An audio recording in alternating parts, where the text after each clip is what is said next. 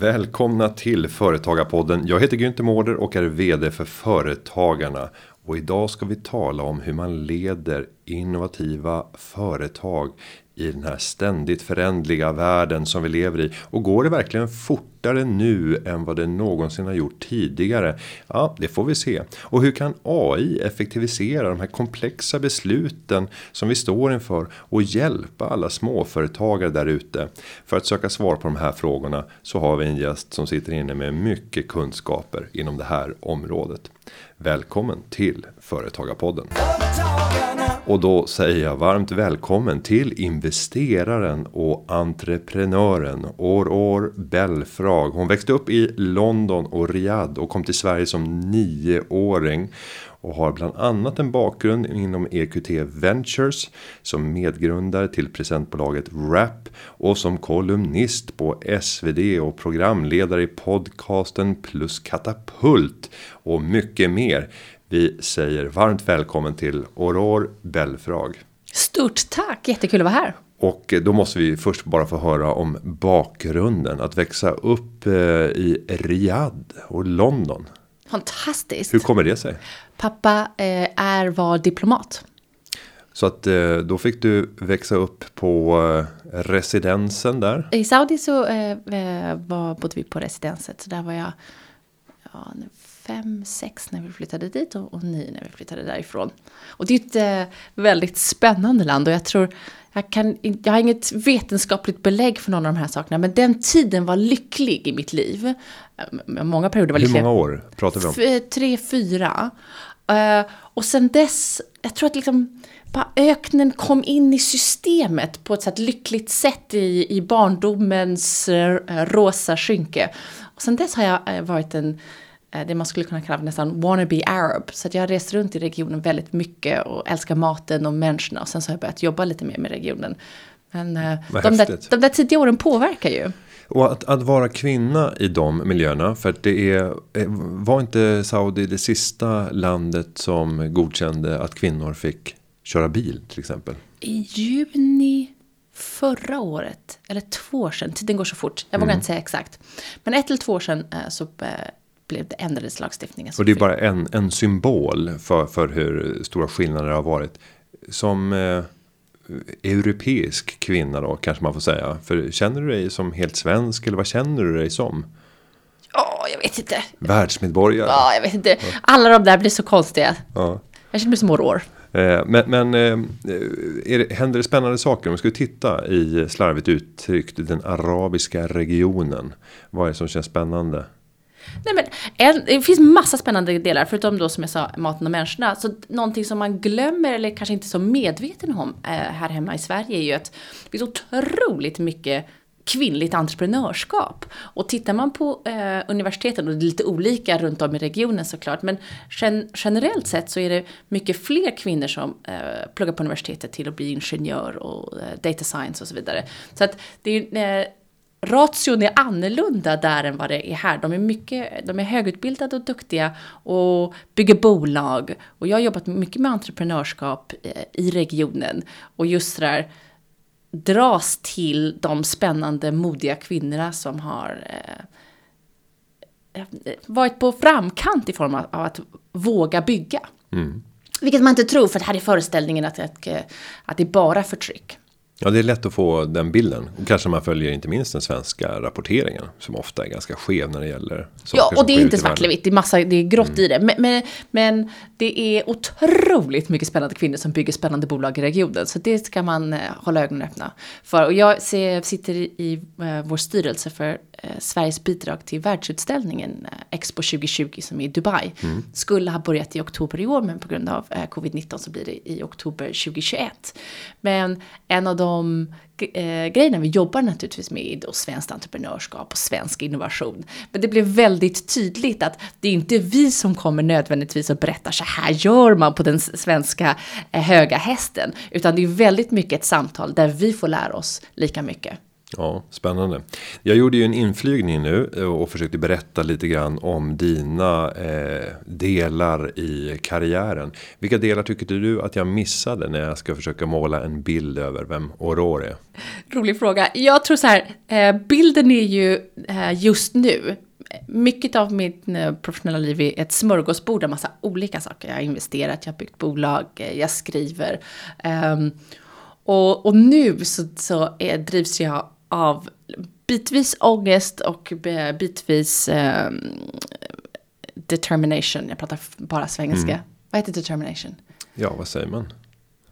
Eh, de determination. Det kommer komma, under ja. den här konversationen kommer komma på ordet. Att eh, jobba med hållbarhetsfrågor och teknik och hållbarhetsfrågor. Mm. Så I skärningen däremellan, vad kan vi göra för att bygga en hållbar värld? Och teknik är bara en liten del egentligen av den eh, omställningen. Men det är en del som jag kan och där jag känner att jag skulle kunna bidra. Så att även om alla de där sakerna stämmer så är jag just nu helt fokuserad på det som eh, jag tycker är viktigt idag. Och hur kan vardagen te sig om vi struntar i den här coronatiden som vi har levt i nu de, de senaste månaderna och du får beskriva så säga, livet före det. Hur, hur såg den normala arbetsveckan ut? Den normala arbetsveckan är ju att jag har en chef hemma och hon är två och ett halvt och det är hon ja. som bestämmer som eh, går under benämningen generalen. Så när generalen lämnas in på sin förskola då eh, kan jag börja jobba och då är det en blandning av eh, styrelseuppdrag, så jag hjälper eh, bolag med antingen att resa pengar eller att växa, att skala upp, um, att jobba med sin produkt. Eller så jobbar jag med storbolag, eh, att implementera sin AI-strategi, sätta en AI-strategi. Mycket handlar om att AI är ett stort buzzword som mm. alla eh, svänger sig med till höger och vänster. Och så här, vad betyder det för oss? Vad ska vi göra? Hur ser vår databank ut? Eh, så det är mycket handholding med, med storbolag. Och sen eh, skärningen teknik och eh, offentlig sektor. Jag lämnade ju eh, investerarvärlden. Jag lämnade att vara venture-investerare på Equity Ventures för att det finns så otroligt mycket pengar som på ett effektivt sätt går till duktiga entreprenörer som bygger duktiga bolag. Men där jag såg att det fanns ett gap, det är när pengar ska gå till eh, bolag som ska ha en, en statlig köpare. Det vill säga skola, sjukvård, infrastruktur och till viss del försvar, även om den delen funkar ganska bra. Eh, så där känner jag att det finns ett stort behov och det finns en risk att Sverige eller kanske mer EU halkar efter eftersom den statliga kunden inte nödvändigtvis vet hur man ska köpa. Vi är kvar i gamla föreställningar om eh, uppköp och procurement. Så att i, i olika former eh, stötta de olika världarna. Och det betyder ofta skriva, jag driver den här podden, eh, ska starta en ny podd, börjat en plattform som heter Sustainable. Så det är lite olika. Och, men om jag önskar vi... jag kunde svara på den frågan lite mer eh, koncist och krispt. Nej, men då tar vi det här smörgåsbordet och plockar ut några saker som vi kan eh, stoppa i oss här mm. under, under poddens avsnitt. Och då tänker jag först på hela AI-området. Och det är ju behäftat, precis som du säger, det är som ett, ett buzzword. Där väldigt många väljer att fylla det med saker eh, och prata om det på ett sätt som gör att det blir ganska svårt tillgängligt. Och man försöker göra ganska avancerat. Om du skulle få försöka att skala av av det och göra det så lättförstått för den vanliga småföretagaren som sitter och lyssnar på det här och som aldrig skulle beskriva att man ägnar sig åt någonting som har med AI att göra. Fast du kanske har en annan bild. Gör de det?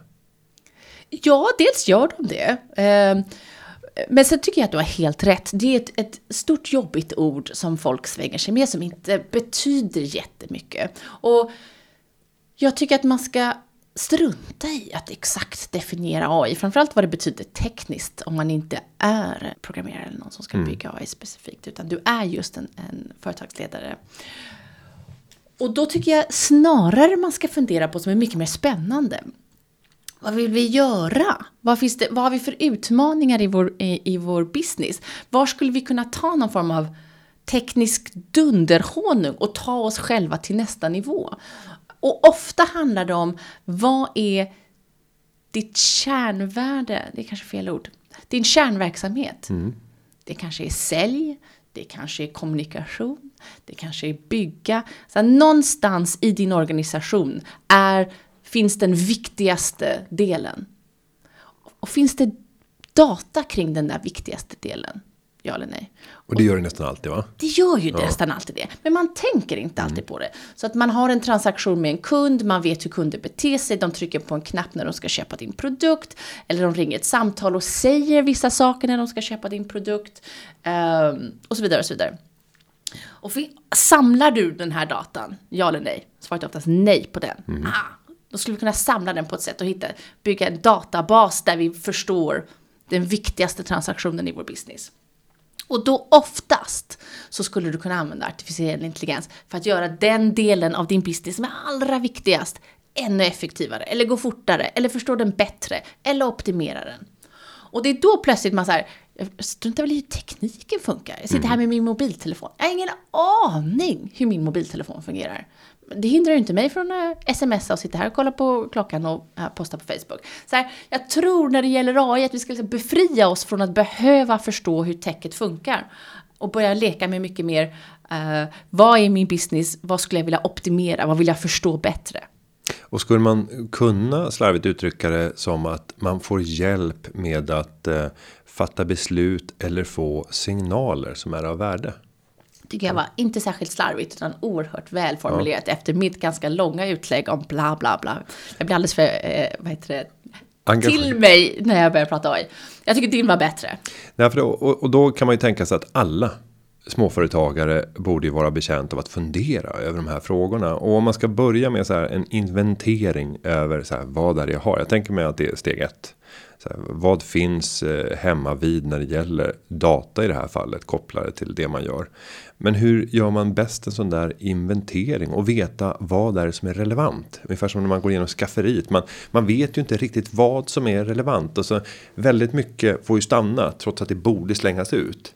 Ja, det här, och skafferi eh, bildjämförelsen är väl inte dum. Men jag tror ofta att det att man, du har nog inte det du behöver i ditt Nej. skafferi. Så att eh, jämförelsen ska bli eh, för den som preppar. Mm. The prepper som är en ny trend i skafferisammanhang. Verkligen och blivit stark nu. Ja. Mm.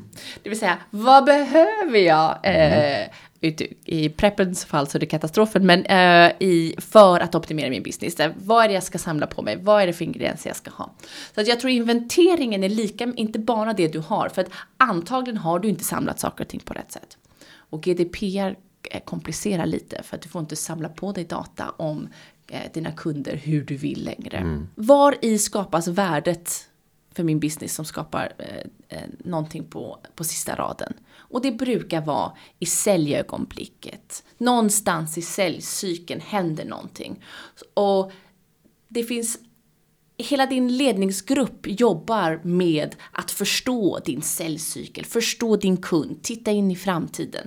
Och där, er samlade hjärnkapacitet är sjukt spännande och jag tycker ni ska klappa varandra på axeln och säga fan vad bra vi är. Men var medvetna om att det finns så otroligt mycket mer som era hjärnor tillsammans inte klarar av att processa. Bara för att vi är mänskliga.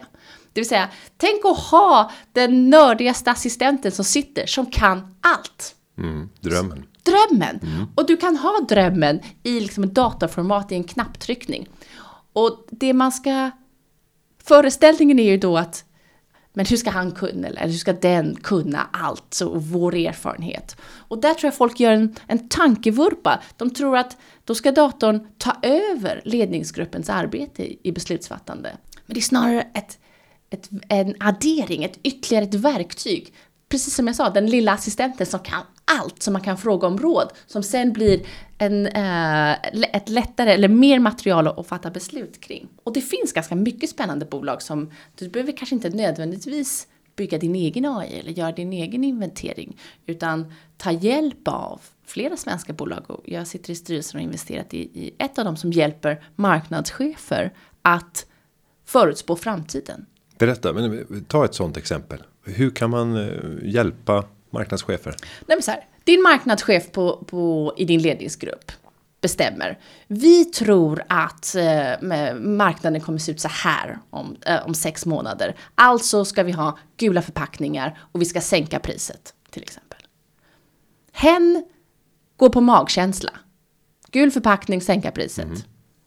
Tänk om vi har någon som inte går på magkänsla, men som har liksom tagit in all data från Facebook, från Twitter, från Google, från mail, från analysföretag och samlar ihop det och säger ah, det är inte gult, det är orange. Och du behöver inte byta till orange, du kan ju köra på din eh, Gurus gula i alla fall. Men det är intressant att ha någon som har då tagit in mycket större datamängder. Så att det här med att förutspå framtiden låtsas vi ju att vi gör när vi bestämmer hur vi ska sätta en strategi. Då gör vi antaganden om framtiden baserat på ganska lite datamängder för våra hjärnor är ganska små. Och ska man här, relatera till de exemplen så ser jag framför mig den här marknadschefen som eh, har gjort några lyckokast i karriären. Eh, och det här kanske var 15 år sedan den här personen toppade. Då brukar det alltid vara så att personen har med sin historik en pondus och ett sätt att argumentera som kan få vilken människa som helst att bara falla för förslagen till beslut. Men samtidigt så relaterar man väldigt mycket till det som har varit historisk framgång. Eh, för det var där du en gång blev belönad genom fantastiska resultat och så kommer gamla idéer upp och när de kommer i en grupp där du plötsligt har människor som inte var med på den tiden så kommer man bara vara som frågetecken och säga så här. Mm, det kanske funkar då, men inte nu. Och så kommer argumentationsapparaten igång och så känner man att vem är jag och sitta här och tänka. Han eller hon här är 60 år och har jobbat 30 år som marknadschef. Och det här är ganska farligt va? Det är jättefarligt. Eh, och men man ska inte det finns ju naturligtvis en samlad kunskapsbank under 30-60 års mm. tid som är spännande som jag tror man ska ta in och det finns lessons learned av. Eh, så jag tror att det handlar om att bredda sig, att både jobba med den marknadschefen, också titta på eh, den nya hjärnan som inte är påverkad av det som har hänt och en, liksom en teknisk komponent som har bara tagit in allt och har ingen, det är väl det som är det viktiga, har ingen emotionell eh, koppling till vad som händer, har inget karriärbehov, har inget ego. Det vill säga det är så många grejer som går in i beslutsfattande som är mänskliga, som naturligtvis kladdar till hur vi fattar beslut om hur, vad vi ska göra. Uh, och ta, ta hjälp från men vi har ju tagit hjälp från analysbolag i alla tider. Det här är bara så nästa nivå av det. Och vi har också alltid antagit att vi kan, till exempel i marknadsföringssammanhang, förstå vår samtid. Ja, jag tycker det är sjukt spännande. Det här blir liksom nästa nivå av det. Det som är intressant är hur bitvis svårsålt det är som koncept. Det vill säga, nej, jag vill hellre ha en person med en liten hjärnkapacitet som sitter vid, min, vid mitt fysiska bord och berättar för mig vad hen tror uh, att, hur världen kommer se ut. Mm. Än att ha en dator som har tagit in massa data. Och jag tror att folk tror att man måste lyda data. Jag vet inte vad det är. Um, eller så blir det att det ruckar hela vår föreställning om vårt värde. Som naturligtvis inte försvinner, det bara ändras lite.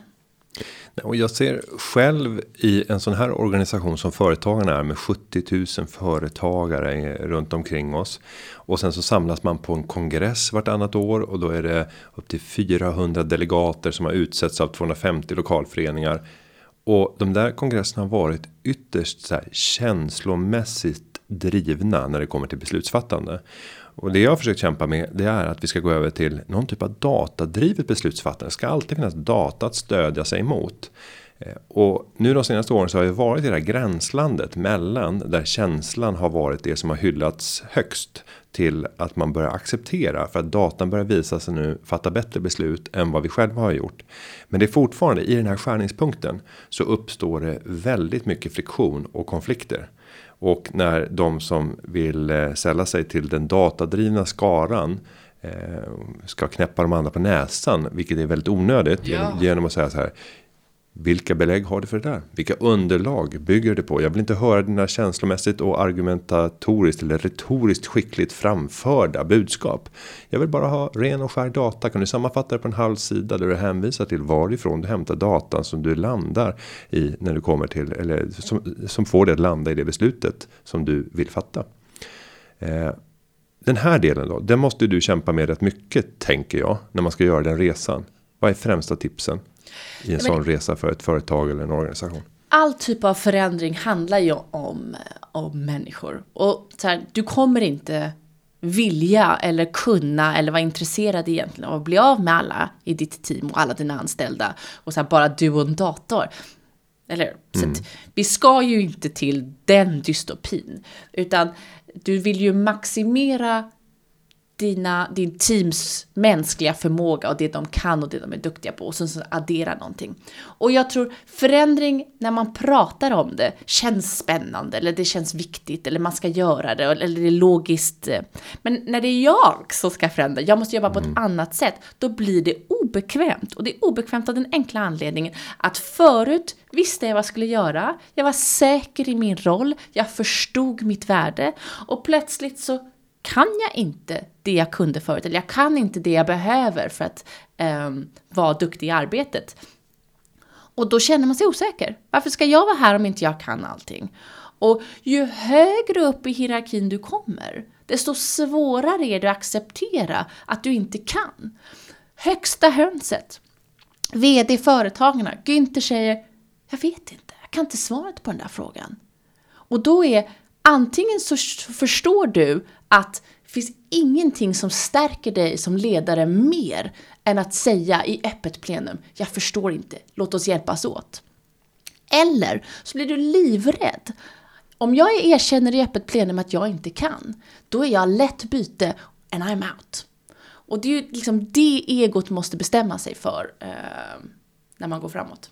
Ja, det där är eh, en, eh, en utmaning på den här resan. Men, Men nästa del för att komplicera mm. saken är att jag tror inte att alla beslut ska vara datadrivna. Eh, vissa av de stora komplexa utmaningarna, alltså inte komplicerade utan komplexa, vet vi inte. Vi kan inte räkna ut exakt vad vi ska göra, vi kan inte räkna ut hur lång tid det ska ta, vi kan inte räkna ut vad det kommer att kosta, men vi måste sätta igång. Eh, det exemplet som jag så, eh, hörde häromdagen som jag tyckte var fantastiskt, det är ju barnuppfostran. Det finns inte en manual för barnuppfostran.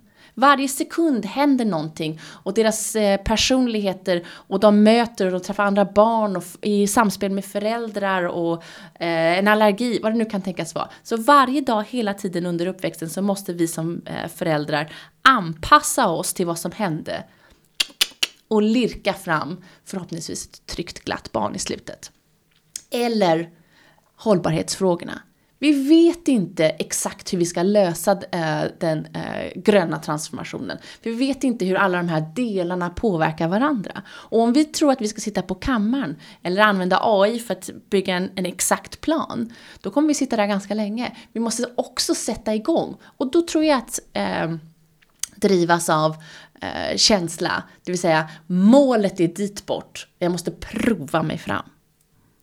Och nu är du inne på nästa område som är stort för dig och det är ju det här gränslandet mellan teknik och hållbarhetsfrågor och eh, det måste väl verkligen vara som att du befinner dig i epicentrum just nu. Hade det även varit någonting inom epidemiologi så, så hade det väl liksom haft alla tre, treenigheten.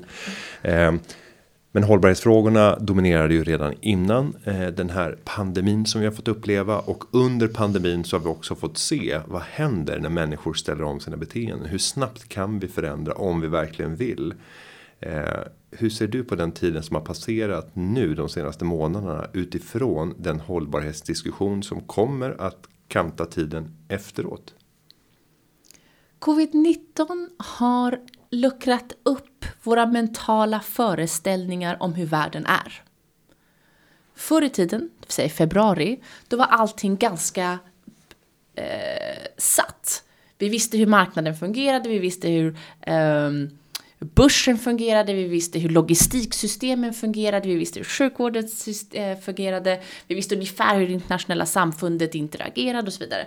Eh, och det gick inte riktigt att ändra på massa saker, utan det är så här, så här har det alltid varit. Eh, och så har vi också då naturligtvis känt att det har varit ganska bra ändå som system. Och så liksom några kriser i det där. Ja, vi ser en ökande eh, fattigdom eller, eller välfärdsklyftor. Inte bra. Alltså kommer en pandemi, inte bra. Och så kommer då eh, hurricanes och stormar. Det är 38 grader varmt på, på Nordpolen och, och planeten mår inte så bra. Det är inte så bra. Men generellt sett så är systemet fungerande. Enter covid-19.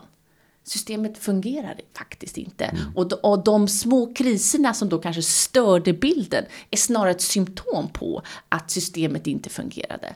Och, och nu har vi, är vi kollektivt, tror jag, mer eller mindre i, i, samma headspace. Det vill säga, vi har en gemensam ögonblicksbild där vi går igenom ungefär liknande känslor. Och nu är det ju faktiskt så att det, det är orättvist i den bemärkelsen att vi som har det bra klarar den här krisen mycket, mycket bättre eh, än de som har det sämre. Så vi, det är också orättvist att säga att vi alla är på, på samma plats. Men jag har aldrig varit med om i mitt liv en större vilja, förmåga, intresse att prata om eh, systemet, komplexiteten, hur vi hör ihop. Och plötsligt så ser jag folk som sådär verkligen ifrågasätter, vad gör jag? Så, vad är min roll i det här? Eh, hur ska jag bidra? Eh, och, och, inte ur någon form av ögonblicks 40-årskris eller eh, tonårskris. Utan jag tror så här på riktigt har trillat ner. Eh, vi lever i ett fragilt system och jag har en roll att spela. Och i det händer ju naturligtvis massa spännande grejer när, när folk tar sitt ansvar i eh, någon form av större och vad tror du kommer hända då när vi kommer tillbaka till det nya normala och då måste man smalna av frågan för att titta ja inom vilket fält om vi börjar i det politiska beslutsfattandet kommer mogenheten för att fatta mer drastiska beslut för att kunna komma till rätta eller komma åt de klimatförändringar till exempel som vi ser och som i princip alla är överens om har sköljt över oss. Eh, kommer det finnas en annan mogenhet? Jag tror det. Mm. Jag vet inte om du håller med om det, inte, men jag tror att vi, vi, har, vi, vi har givit oss själva mandat att nu fatta beslut. Eftersom vår föreställning om världen har luckrats upp eh, och, och bitvis blottlagt vad som har varit sönder, då måste vi sätta igång och laga. Och jag tror att i det där så får man göra mer saker. Sen ska man ju också säga att det är inte tycker jag inte, och verkligen inte i Sverige, det är inte nödvändigtvis liksom den politiska eliten som har drivit de här frågorna, utan det har ju varit väldigt mycket bolag som har um, tagit eget ansvar och förstått både vartåt det barkar om man inte gör det, börjat räkna på risken eh, om man inte gör det och insett den kommersiella möjligheten i att, att, att, att ställa om. Så att jag, jag, jag tycker det är lika mycket den privata sfären som har varit ansvarsfull. Men mogen är ett bra ord. Jag hörde häromdagen någon som sa att ett tecken på civilisationens förfall är att den producerar barn. Mm. Barn som då vill ha mer, mig, nu. Eh, och en vuxen då i, i jämförelse är mognare, förstår systemet, bidrar, tittar till helheten på ett annat sätt. Och det är ju inte särskilt svårt att titta runt i, i världen och att det finns ledare som är som barn. Mm. Um, och det där är lite spännande och uh, läskigt.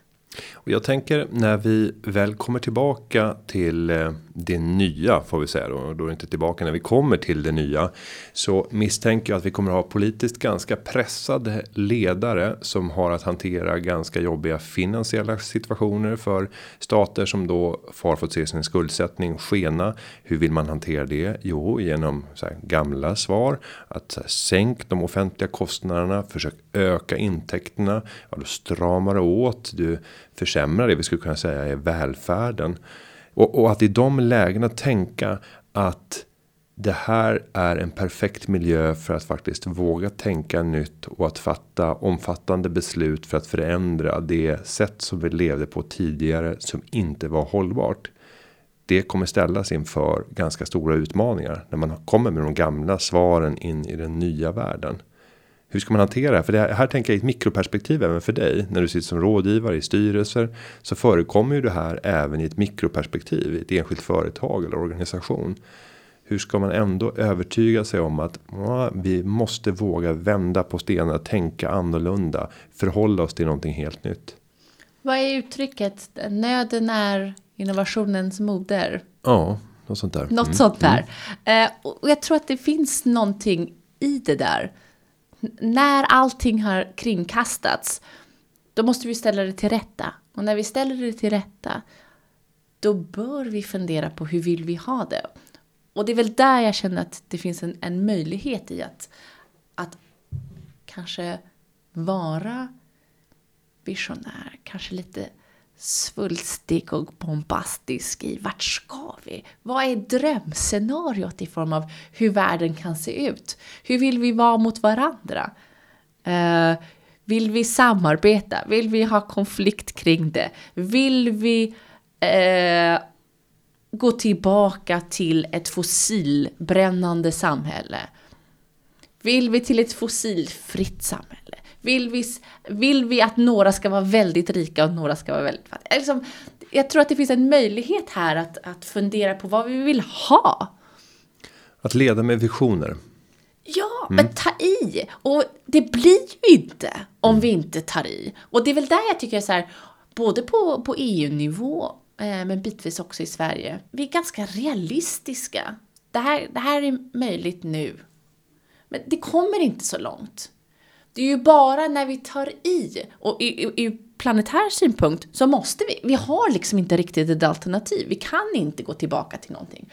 Och jag skulle vilja se en kultur där vi är eh, där vi tänker större, vi drömmer större, men också att vi hjälper varandra i att, att hitta de lösningarna. Om jag tar reflektionen kring, eh, eller jämförelsen till världen som jag har kommit från, som är den tech-entreprenörvärlden, både i Sverige men även i, um, i Silicon Valley, San Francisco och så vidare. Där byggs det då och, och, um, storbolag och det, eh, gränser suddas ut och man siktar mot stjärnorna. Det är inte nödvändigtvis några liksom, starka individer, det finns det också, som så vågar eh, ta kampen. Utan det är också för att du har en, en undervegetation och en självklarhet kring ja, det där provar vi. Det där låter spännande. Vet inte exakt hur det ska fungera. Men låt oss börja. Och, och det låter så banalt när jag säger det, jag känner mig lite töntig när jag sitter här och säger det. Men jag tror ändå att det är väldigt viktigt att vi är eh, samarbete och tillsammans och säger ja och prova. Nej, men det funkar inte riktigt. Vi provar så här istället. Både i politiken och när vi bygger bolag och när vi drömmer om vilken värld vi vill ha. Och tar vi de här stora eh, besluten som har fattats med någon typ av vision som har målats upp och ibland kan ju visionen eh, vara av en sån art att man kan faktiskt ifrågasätta. Ja, men varför är det viktigt? Men oavsett, ta det här. We're gonna put the man on the moon. Exakt. Och så här, men det var få som ställde sig frågan så här. Men varför det? Vad, vad, spelar det för roll? Men när en ledare har uttalat det och let, låter det få genomsyra hela samhället. Det här är oerhört viktigt. We're gonna put a man on the moon. Du kommer fatta beslut som kommer innebära ekonomiska konsekvenser som ingen rationell människa någonsin skulle tycka så här. Utan att ställa frågan. Varför då? Men, Men visionens styrka. Mm. Visionens styrka. Och förutom att det då kanske är viktigt och vi ska göra det. Det finns någonting som händer i oss när det är spännande. Mm. Alltså äventyret kring det. Och jag började idag med att säga att jag, jag drivs både av någon form av äh, ångest och determination. Och den här ångesten är inte särskilt konstruktiv. Uh, och den skapar inte nödvändigtvis samarbeten utan den är, den är driven av rädsla. Men det som är drivet av äventyr, vi kan, vi ska, vad jag vet inte exakt hur det kommer sluta, men ditåt. Det tar fram eh, vår kunskap, vår kreativitet och det händer något. Jag kommer inte kunna skriva det här i ett Excel-ark, but it works. Mm. Ja, och där tänker jag i ett litet perspektiv. Du som företagare, hur målar du upp den här framtida drömbilden? Jag brukar alltid ge tipset att res fram till den punkten i framtiden där du vill beskriva hur det ser ut. Eh, och om vi ska ta det utifrån den vanliga företagarens perspektiv. Ja, men beskriv ditt mikroperspektiv då. Du kommer till din arbetsplats i företaget som du leder. Vad är det som möter dig? Vad är det som händer människor emellan? Vad är det ni, ni gör? Eh, vilka är ni påverkar genom ert arbete? På vilket sätt förhåller ni er till de som finns runt omkring er i samhället? Vad säger människor om er? Så att du får helt plötsligt in alla olika aspekter. Mm. Och att kunna låta alla andra medarbetare vara med i den diskussionen. Är det här en bild som ni delar? Vad är det ni skulle vilja justera? Och sen får det vara tillräckligt avlägset för att man ska våga drömma lite större. Men tillräckligt så konkret för att man ska känna att det går att ta på på något sätt. Ska jag vara raljant? Mm.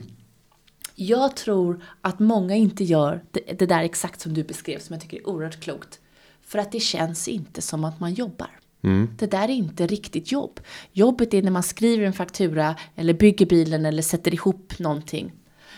Um, och jag tror att vi ska tillåta oss själva att, för, att förstå att den övningen som du precis målade upp är en viktig del av jobbet och att man ska göra det med jämna mellanrum. Och jag skulle önska att vi hade politiska ledare både i Sverige och världen som vågade ägna sig åt att beskriva det där framtida drömsamhället. Kunna vandra runt i en medelstor stad i Sverige om tio år och berätta vad kommer att kanta den här staden mellan människorna, vad vi ser, vad vi upplever om jag får bestämma utifrån mina politiska ideal och drömmar. Så att vi kan se och jämföra. För idag så tycker jag att det saknas. Eh, och jag eh, nu, nu, känner jag Anna Kinberg Batra rätt väl privat. Och därför har jag sagt det till henne också. Att jag tyckte att det var fel det svaret som hon kom med efter valet. När hon sa att anledningen till att man hade tappat så mycket i valet var att Moderaterna hade inte tillräckligt bra svar på de frågor som väljarna ställde sig. Implicit att då kan vi bara justera oss för att anpassa oss till de svar som väljarna vill ha. Och det där har vi sett i politiken. Där enskilda partier kan vända 180 grader i en enskild fråga. För att man ser att opinionen svänger. Och drömmen om den kortsiktiga makten är större än att få skapa sitt framtida drömsamhälle. Kopplat med rädsla för eh, journalist kritiken som idag mm. är också ganska hård. Skoningslös i flera fall. Varför tänkte du inte på det? Förstod du inte det? Mm. Hur ska det gå till? Och vi, vi avkräver, det är väl där jag går tillbaka till din datajämförelse. Eh, Har du ett belägg för det? Kan du visa på, med data och fakta att det kan bli så? Här, de här större frågorna, måste vi frigöra oss från det. Så samtidigt som vi ska göra en transformation till att vara mer datadrivna så är det vissa frågor där vi ska släppa det och vara drömmande och vara större och visionära. Och det här är då två ganska olika budskap. Och det måste man också vara bekväm med att man har olika budskap. Eh, för det är också väldigt lätt att knacka ner. Nu är det otydlig, nu är det för mycket, smörgåsbordet är kladdigt, jag förstår inte, det är inte en one-liner, where's my tweet? Mm. Och om vi tittar på en del i ditt arbete i vardagen så är det ju att hjälpa företrädesvis större bolag med att göra framtidsspådomar. Hur kan framtiden gestalta sig? Och jag misstänker att det är på grund av att de stora bolagen har resurser att köpa in extern kompetens för att göra det här arbetet. Men om du ska beskriva hur du går tillväga för att organisera det här arbetet för att kunna komma till slutsatser att kunna presentera inför den här ledningsgruppen eller styrelsen i det här bolaget och vad av det kan vi ta med oss som mindre företagare där man kanske bara är ett fåtal anställda men finns det element i det där arbetet som du gör? Som man själv kan ta med sig? Bra fråga. Jag tror många gånger handlar det ju om organisationen, människorna, deras kunskap, deras inställning till kunskap, deras inställning till framtiden, deras inställning till jobb. Så att stor eller liten organisation så tror jag det, det, det, är mycket mer på ett emotionellt och mänskligt plan. Vad är det vi vill uppnå? Vad är de viktigaste delarna av vår, eh, vår verksamhet? Hur drivs vår eh, sista raden? Vad vill vi vara? Så den övningen som du, som du beskrev, det är, ju, det är ju där det sitter. Och när man har kommit någonstans i det arbetet i form av vart man vill, det är då man sen kan applicera. Jaha, finns det teknik som kan förstärka? Att börja med jag vill ha spännande tech. Eller jag vill ha AI, det är snarare väl det. För tio år sedan, jag vill ha en app, säger mm. ledningsgruppen. Eller vi vill ha en app. Och nu säger vi vill ha AI. Utan att riktigt veta um, hur, hur energin och hur uh, din, uh, din verksamhet drivs. Så att jag skulle börja där och inte nödvändigtvis titta på techet. Sen finns det techlösningar till det mesta. Och, och eh, det jag hör är att man ska börja någonstans i önskad effekt. Så här, vad är det vi vill uppnå? Man målar upp den här drömvisionen och sen så börjar knalla ner på effektnivå. Hur ska vi kunna avläsa det här? Men, men då tänker jag att det där första arbetet vi var inne på ursprungligen skafferiövningen. Så här, vad är det som egentligen fattas i vårt skafferi överhuvudtaget? Mm. Den känns mer högprioriterad tillsammans med det visionära innan man går in i nästa del. Ja. För att sätta strategierna. Hur säljer jag? Vem är kunden? Hur köper de? Vad, köper... vad är det de köper egentligen brukar jag också säga. Ja. Man tror att man säljer någonting. Men i själva verket så säljer man Och annat. om de som inte köper hos mig, vad köper de? Mm. Eh, och varför köper de det? Så att det är ju förståelse, basic. Förstå, förstå din business.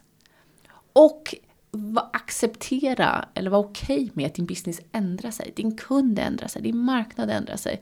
Um, och, och våga följa med i de strömningarna. Och, och då släppa egot. Jag vet inte exakt alltid hur min, eh, min marknad fungerar. Och nu skulle jag ju avslutningsvis vilja höra lite grann om dina egna personliga visioner. Om vi tittar fram i eh, 30 år från nu, då har vi den här avlägsna tiden där mycket är möjligt. Eh, vi kan göra otroligt mycket på en sån lång tid. Vad önskar du när du tittar tillbaka på dina kommande 30 år av yrkesverksam karriär? Att du kan se tillbaka och säga att ja, det här är jag stolt över. Det här vill jag ha åstadkommit eller? Eftersom just idag så vaknade jag upp lite mer dystopisk Jaså. och hade eh, djup ångest igår och eh, lider av att det är 38 grader varmt på eh, Nordpolen. Så får du ett svar idag ett jämfört svar idag. med vad jag hade fått i förrgår. Lite så. Mm. Så det är min disclaimer. Men oavsett det så eh, hoppas jag kunna eh, bidra till att vi gör en omställning och att vi tar den lilla luckan som finns kvar eh, och tar det ekonomiska systemet och gör det eh, fossilfritt. Eh, och i det stöttar innovation för att klara det, men också pratar om de andra delarna och beteendefrågorna. Och det är lätt att, att titta i sin del, i sitt skafferi. Men verkligheten är ju så här, det spelar inte så stor roll om Sverige uppnår 2030-målen, om vi är de enda som gör det. Utan vi måste tänka internationellt och vi måste samarbeta. Och nu ser vi en trend att de eh, internationella institutionerna försvagas och vi litar mindre på dem. Eh, FNs generalsekreterare Guterres gick ut för eh, några veckor sedan med ett sexpunktsprogram, apropå det du pratade om, om hur vi ska använda statliga medel för att efter covid stärka systemet för att bli grönt. Det är ingen som har sett det. Det är ingen som har hört vad FNs generalsekreterare har sagt i sitt sexpunktsprogram som han hade bland annat en, eh, en op-ed i, i New York Times. Det oroar mig. Och här har Sverige en roll att spela. Och jag tror verkligen på att Sverige som har ett arv i att vara en internationell medlare kan ta de stora supermakterna, det vill säga de stora utsläpparna, till förhandlingsbordet och driva på processen som en, en objektiv, mindre, mindre ego-nation. Hela mitt väsen är kring att hur gör vi detta? Hur, hur tar vi det svenska varumärket för att skapa den förändring vi behövs i den lilla luckan som finns? Jag tycker det låter rätt stort och, och, och, tungt och häftigt att kunna se tillbaka om du lyckas vara med och bidra på de områdena. Om vi allra sist bara tittar i ett mycket mindre perspektiv, mikrosammanhanget, resten av sommaren. Vad hoppas du? Åh, jag och min äh, gulliga gris, vi ska äta glass och vi ska doppa fötterna och vi ska springa i gräset och plocka blommor och undvika fästingar och räkna myror och... Det är det stora och det lilla i symbios. Ah, fantastiskt. Aurore, stort tack för att du kom till Företagarpodden. Tack så hemskt mycket. Och jag ska naturligtvis också påminna om att för dig som driver bolag så finns det mängder av inspiration, kunskap och också vägledning när det kommer till de statliga stöd bland annat som har presenterats under den pågående pandemin. Du hittar allting på företagarna.se om det är så att du suger efter att få träffas fysiskt så hoppas jag att det till hösten kommer komma uppluckringar som gör att vi faktiskt kan som företagare få inspireras av varandra genom möten. Men om det vet vi inte så mycket än. Men när det väl blir dags så kan du ge dig den på att eh, företagarna med sina 1000 årligt återkommande aktiviteter där företagare möts kommer att eh, börja arrangeras igen. Men med det så säger jag att underlaget för den här podden det har förberetts av David Hagen och klippningen den är precis som alltid gjord av Petra Chu. Vi hörs igen nästa vecka. Ha det så gott. Hej då! Företagarna, ja, ja, ja, ja, ja, ja. Företagarna, ja, ja, ja, ja, ja, ja.